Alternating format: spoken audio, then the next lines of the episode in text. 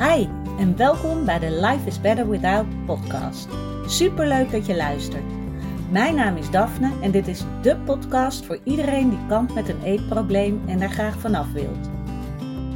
Als ervaringsdeskundige weet ik heel goed hoe het is om in jouw situatie te zitten, maar ik weet inmiddels ook hoeveel fijner het leven is zonder die eetstoornis. En dat gun ik jou ook. Daarom deel ik in deze podcast al mijn inzichten omtrent het herstellen van een eetprobleem. Ik laat je weten wat er bij mij wel werkte en wat niet. En ik sta open voor al je vragen. Als jij klaar bent voor een leven zonder eetstoornis, dan weet ik 100% zeker dat jij dat kan bereiken. Want als ik het kan, kan jij het ook. Welkom terug weer bij een nieuwe podcastaflevering van Life is Better Without. Fijn dat je er weer bij bent. En ik wil het vandaag even hebben over iets wat heel vaak terugkomt ook in sessies die ik heb met uh, mijn cliënten, met vrouwen.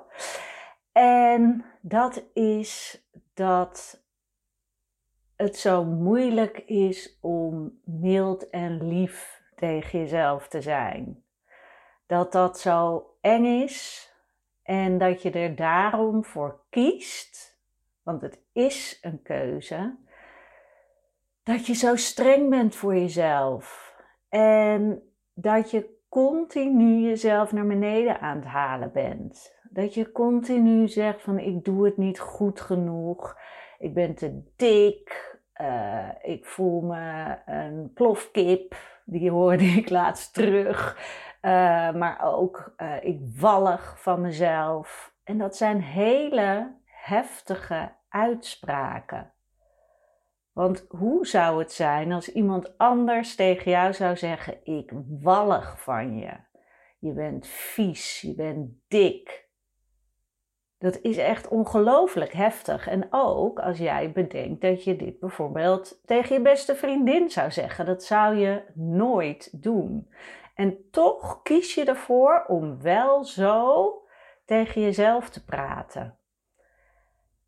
En ik hoor ook altijd van, ja, ik zou liever tegen mezelf willen zijn. Ik wil dit niet, het helpt niet. En toch doe je het. En waar dit nou vandaan komt, is dat het waarschijnlijk makkelijker is om zo tegen jezelf te praten dan liefdevol naar jezelf te zijn. En dat heeft weer te maken met de angst, bijvoorbeeld voor afwijzing, of dat iemand anders misschien nare dingen tegen je gaat zeggen.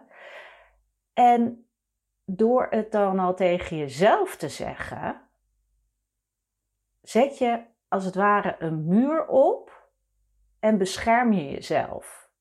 En dat is natuurlijk niet zo, alleen voelt het zo. Zo van, als ik al zo tegen mezelf praat, is het minder erg als iemand anders dat ook zou doen. Alleen niemand zal dit tegen jou zeggen. En toch voelt het als jouw veilige plek. Want het houdt je waar je bent. En door het te doen, weet je ook wat je kan verwachten. Ook al is het niet fijn wat de uitkomst is. Maar daarom wil ik eens dat je bij jezelf nagaat vind ik het inderdaad gewoon makkelijker om zo tegen mezelf te praten? Is het een vorm van jouw veilige kokon? Denk daar eens over na. En vraag jezelf dan ook: wil ik dit leven op deze manier blijven leiden? En dan zelfs nog met de lange ei. Want jij wil een fijn, liefdevol, vrij leven. Maar dat gaat natuurlijk niet lukken als jij al die narigheid in jouw brein stopt. Want door bezig te zijn met continu naar tegen jezelf te praten, zal die uitkomst nooit, nooit worden wat jij eigenlijk wil. Dat gelukkige vrije leven. Want jij laat jezelf niet zijn wie je eigenlijk bent. Dit kwam ook naar voren natuurlijk in de vorige podcast over imposter syndrome. En het heeft hier ook weer mee te maken. Je, je rent van jezelf weg. Je vindt wie jij in wezen bent niet goed genoeg. En je wil iemand zijn die jij niet bent. Je wil weer dat die, die utopische gedachte van hoe jij vindt dat jij zou moeten zijn om goed genoeg te zijn voor deze wereld, dat is wat jij in je hoofd hebt gezet. En dat is zo moeilijk om te behalen. Omdat het geen realistisch beeld is. En daarmee zeg ik dus niet, jij bent niet goed genoeg. Nee, jij bent juist goed genoeg. Je moet alleen je, het beeld in jouw hoofd aanpassen van hoe jij denkt dat het zou moeten zijn. Jij bent al oké. Gewoon door wie jij bent. Gewoon door het feit dat jij hier op deze wereld terecht bent gekomen. Je hoeft niet meer te zijn dan jij al in wezen bent. En als jij er dus voor blijft kiezen om jezelf te houden waar je bent, omdat je dan denkt, ja, maar dan weet ik tenminste wat er gaat gebeuren, ja, dan zal er nooit die verandering plaatsvinden. Het is zo belangrijk dat jij de keuze maakt om een andere manier te kiezen. En ja, in het begin voelt het misschien nog onwennig om op een andere manier tegen jezelf te gaan praten. Maar het werpt zijn vruchten af. En ik kan dat uit eigen ervaring zeggen, want ik was ook echt iemand die alleen maar negatief naar mezelf praatte. Vroeger. En toen ik dat ben gaan veranderen, is er heel veel in gang gezet positieve veranderingen. En dat is wat ik jou ook gun. Alleen dan moet je uit die comfortzone. Want dat is waar je in blijft zitten. Je bent bang om het anders te gaan doen omdat je niet weet wat de uitkomst zal zijn.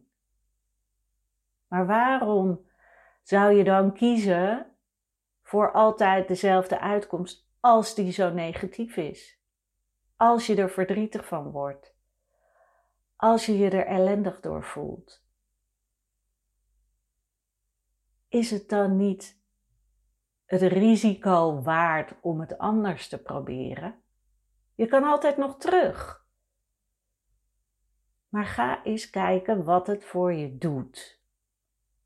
En je kan starten met iedere keer als jij tegen jezelf negatief aan het praten bent en je merkt het op, dat is natuurlijk wel belangrijk. Het kan er ook zo ingebakken zitten dat je eerst eens heel erg gefocust moet zijn op wat zeg ik de hele dag door tegen mezelf. En zodra je dat door hebt, zal je, er, zal je het eerder herkennen.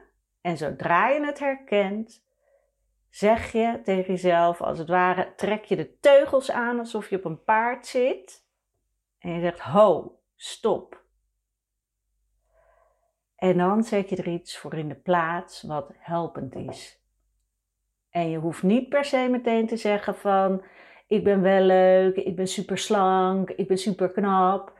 Nee, je kan ook gewoon zeggen: Ho, stop, ik ben oké. Ik ben oké zoals ik ben. En telkens als er weer negatieve gedachten komen, blijf je dat herhalen.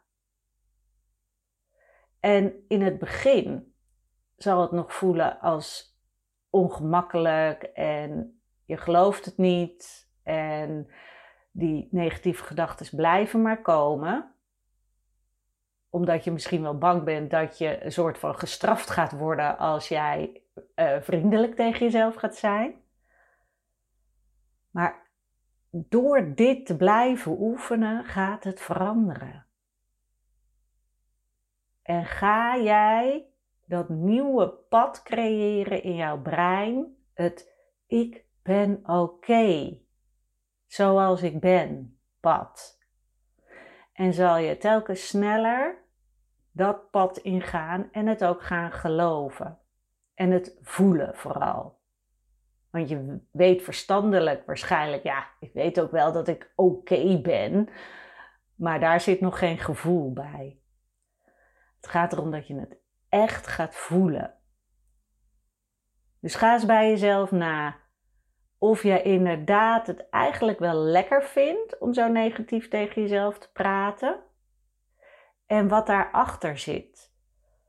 Of dat inderdaad is, ja, dat is veiliger als ik dat doe.